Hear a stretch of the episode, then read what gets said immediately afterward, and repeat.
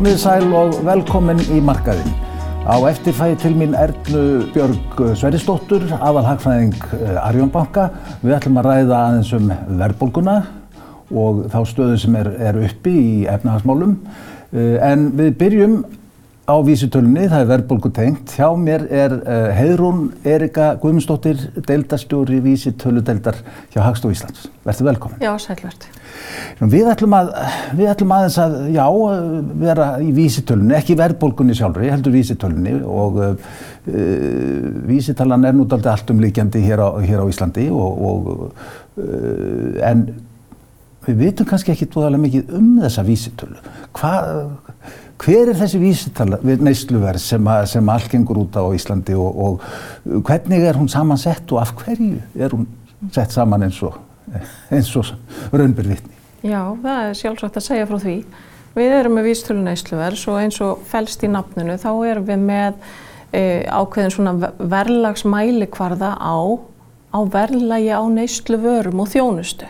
Það er það að minnstakosti það sem við viljum reyna að koma á framfæri af hverju og hvernig eh, við erum að, að reyna virkilega að ná yfir allt sem snýr að neyslu og, og þess vegna horfum við á þætti á borð við matvörur sem eru sannarlega einn af þessum helstu þáttum sem að, eh, sem að heimili finna fyrir og er að kaupa inn frá degi til dags. Við erum með uh, líka fatnað og skó, við erum með áfengjutópak, Uh, við erum með húsnæði, við erum með heilsutengda þætti uh, og, og það sem talum við liv og, og kaupa og læknistjónustu og öðru slíku og, og nokkra þætti í viðbót. Og það sem við erum að gera þarna er að við erum að horfa á neyslu bara á sambarilegan máta og er gert víðast hvar um heiminn. Mm -hmm. Og þetta er, svona, þetta er svona leið til þess að, að skipulegja hvað er mælt sem að lönd í, í rauninni í saminuðu þjóðunum hafa komið sér saman um að nota mælikvarði, mm -hmm. þessi, þessi neyslu flokkun.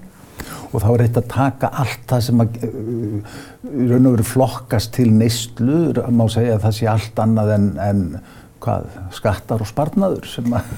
Já, það, það er rauninni, það, það er alveg bara ágætt að koma því að, að það er undan skilið nefn að þó í þeim tilvikum það sem er hægt að segja skattur eða, eða gjald eftir hvað það er kallað, gefið þér eitthvað sem er eirðamert þjónustu sem þú færið.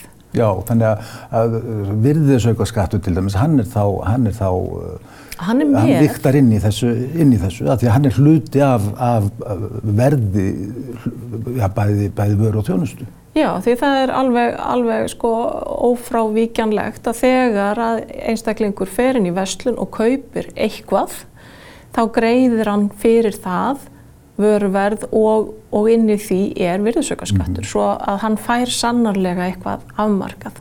Já, um, húsnæðisliðurinn, það, það er, þetta er nú þekkt orð, þetta er, þetta er mm -hmm. mikið nota orð á Íslandi, húsnæðisliðurinn. Og mikið hefur verið deilt um húsnæðisliðin. Uh, marg, sko, það hefur verið gaggrínt og nú, nú erum við, sko, nú erum við að passa okkur, við erum ekki að tala um, sko, við erum ekki að tala um vísitölutengingu lána, við erum að tala um neysluverðs, uh, uh, sko, vísitölu neysluverðs sem mhm. slíka. Samræmda vísitalan sem, a, sem a er gerð, uh, það sem gerður samanbörðu millir Evrópuríkja mm -hmm. á sambærilegri eða samræmdri vísitölu, þar er húsnæðisliður. En hann er ekki eins og húsnæðisliðurinn sem við notum í okkar vísitölu nesluverðs. Getur þú skýrt til okkur, sko, af hverju er þetta svona og, og, og hver er munurinn? Mm -hmm. Já, ég, ég vona það. Ég skal reyna að, að skýra þetta. Það sem að uh, í rauninni, í grundvallar aðtröðum er sami húsnæðisliður í samræmdum vísitölum neysluvers og í vísitölum neysluvers. Mm -hmm. uh, þetta eru tvær uh, tegundir af neysluversvísitölum bara að, að því að þannig eru að tala um sitt hvort hugtækið og þær eru bráðskildar. Mm -hmm. Í báðum tilvikum er verið að reyna að ná utanum að mæla verðlag á neysluvörum og þjónustu. Mm -hmm. Það sem að hefur verið að gerast í Evrópusamstarfinu sem að er það sem við erum að gera með samræmdu vísitölunum er að það er virkilega verið að fara í öll löndin í Evrópu og reyna að vanda sig við að mæla nákvæmlega eins allstæðar.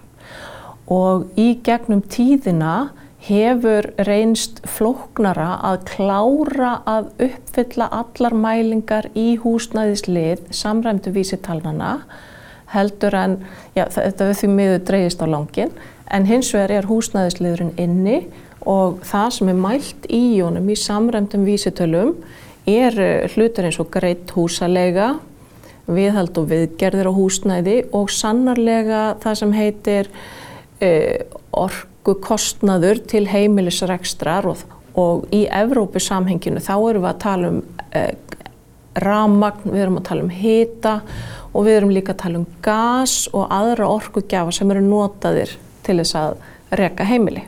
Já það gerir, eh, þá verður þessi munur að, að það er líka gert ráð fyrir lið sem að heitir búsetta í eigin húsnæði mm -hmm.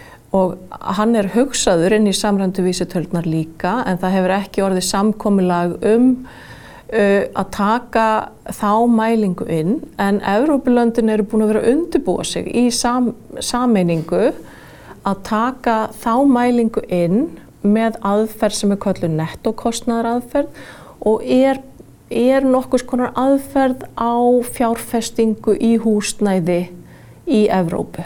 Já, sko síðan, síðan er eitt, sko það er,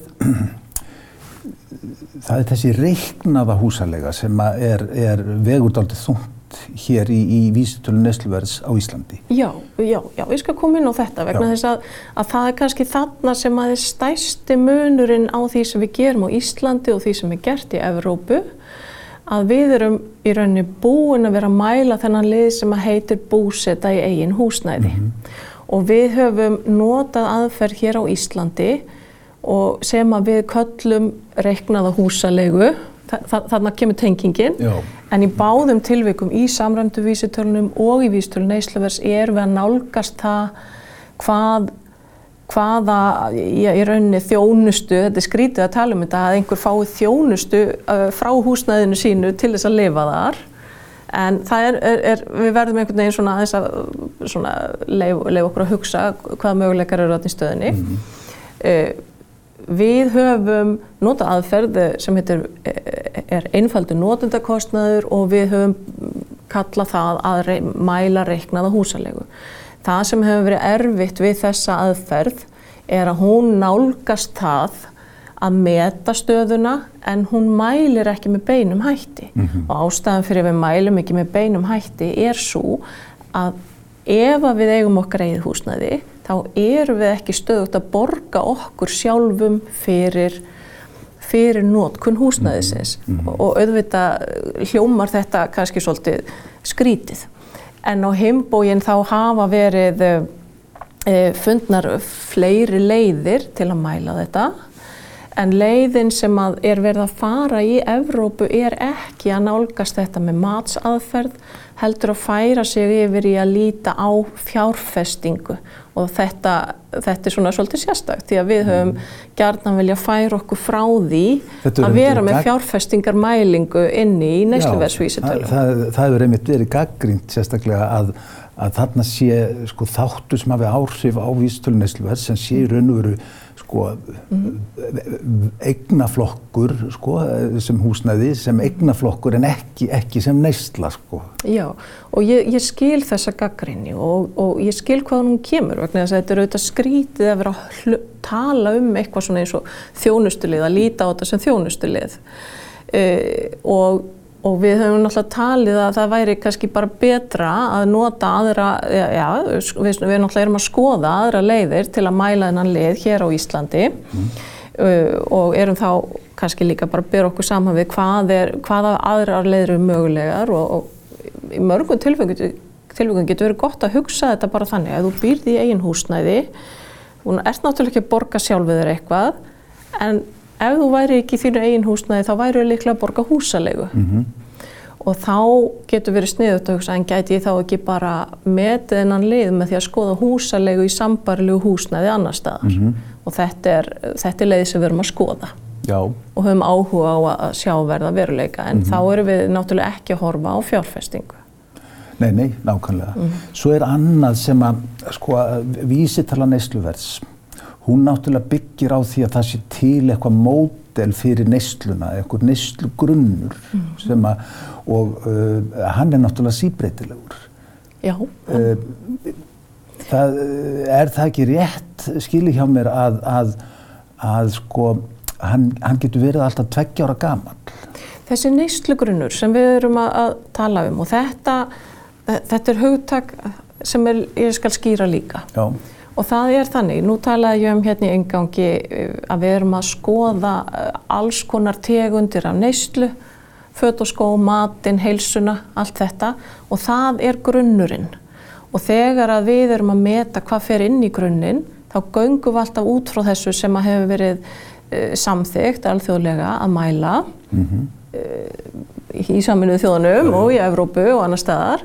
Og, og við erum að spurja fólkið í landinu. Við rekum rannsókn sem heitir rannsókn útgjöldum heimilana, það eru mjög margi þáttakendur í henni, er, þeir eru virkilega að leggja mikið af mörgum þessir aðilar til þess að gefa okkur upplýsingar um neyslu á fjölbreyttum heimilum í landinu. Og þetta hjálpar okkur til að meta hvernig við vegum saman hlutfalslega hvað fólk eigðir í mat og drikk eða í húsnæði eða í heilsu tengda þætti eða í mentun eða, eða annars líkt. það hlýtur að verið mikil áskorun til dæmis þegar að samfélagið og neysla gjör breytist á einni nóttu eins og til dæmis í COVID. Já, það, það er bara alveg hárrétt. Það er alveg hárrétt og, og það eru kannski svona dæmi um þegar svona sérstaka atbyrði þar sem að neysla breytist skyndilega.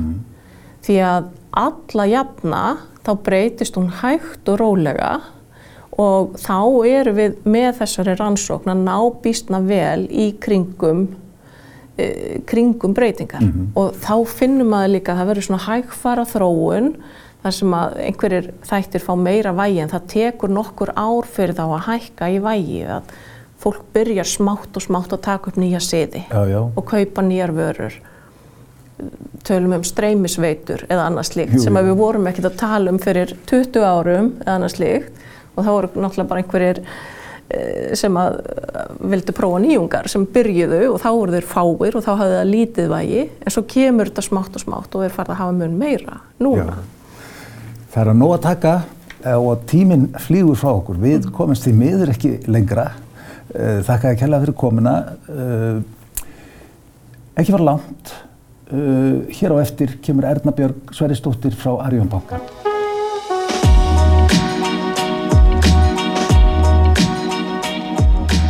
Velkomin aftur.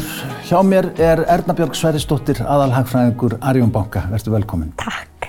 Þetta voru nú ekki gleiðilega tölur sem við sáum á mándaginn. Nei, þetta voru halv ömurlega tíðindi.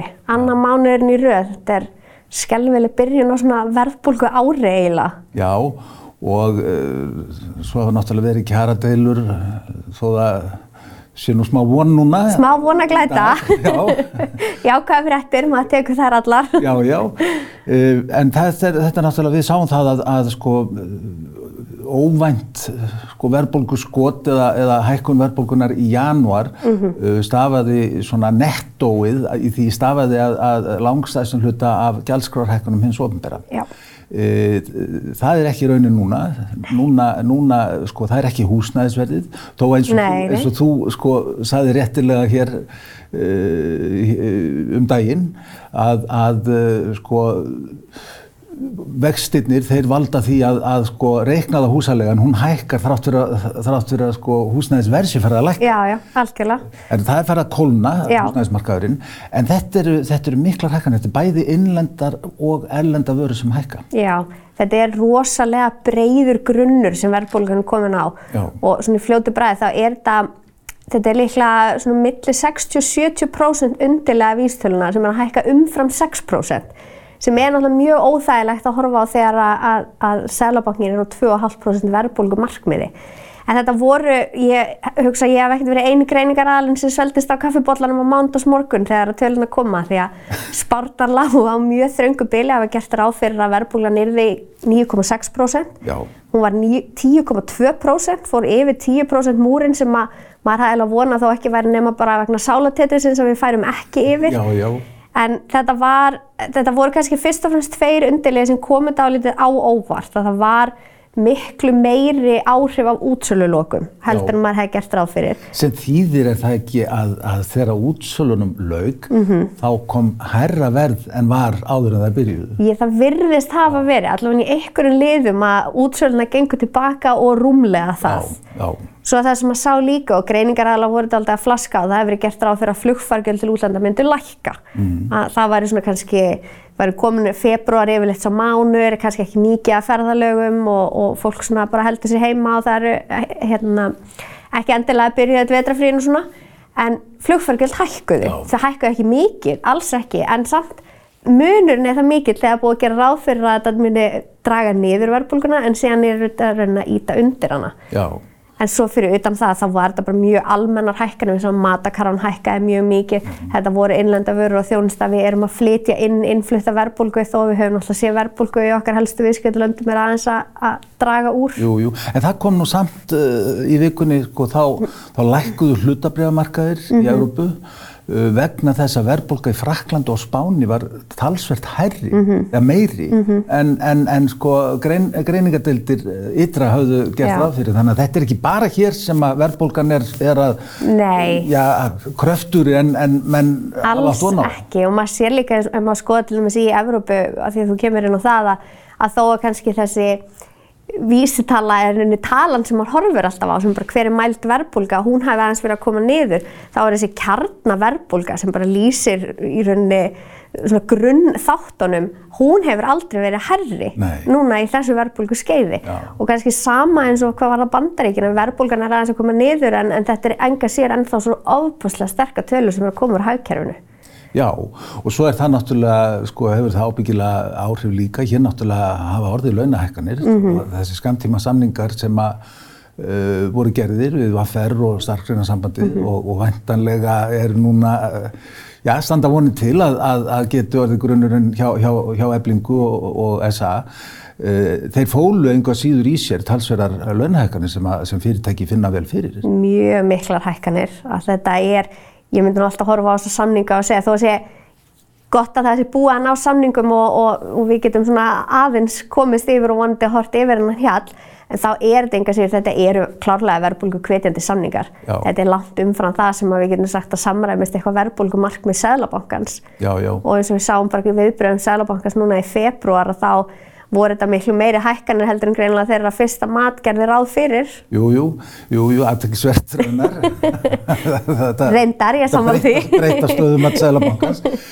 En, en sko við rættum aðeins hérna eh, um daginn, þá rættum við aðeins um þessa gjaldskrárhækkanir og, Mhm. og uh, getur verið að þegar ríkið gengur á undan eða þið ofinbera með þessu fordæmi að skella bara allir verðbólgunni inn í, í gjaldskrána hjá sér Er það, eru þeir að gefa atvinnulífinu, eru þeir að gefa fyrirtækjunum skotlifi, eru þeir að gefa undir fótinn að menn haldi síður í við sig sko, Mhm. með, með, með verðhækkanir úr því ríkið setur þeir út, þá getur við gert það líka? Já, ég held að það sé allavega að maður ætti ekki að útiloka það. Já. Þegar að fyrirtækin horfa á þetta mikla hækkun og einu brett, við erum að tala um að gjaldskóra að hækka kannski 5, 7, jafnvel meira.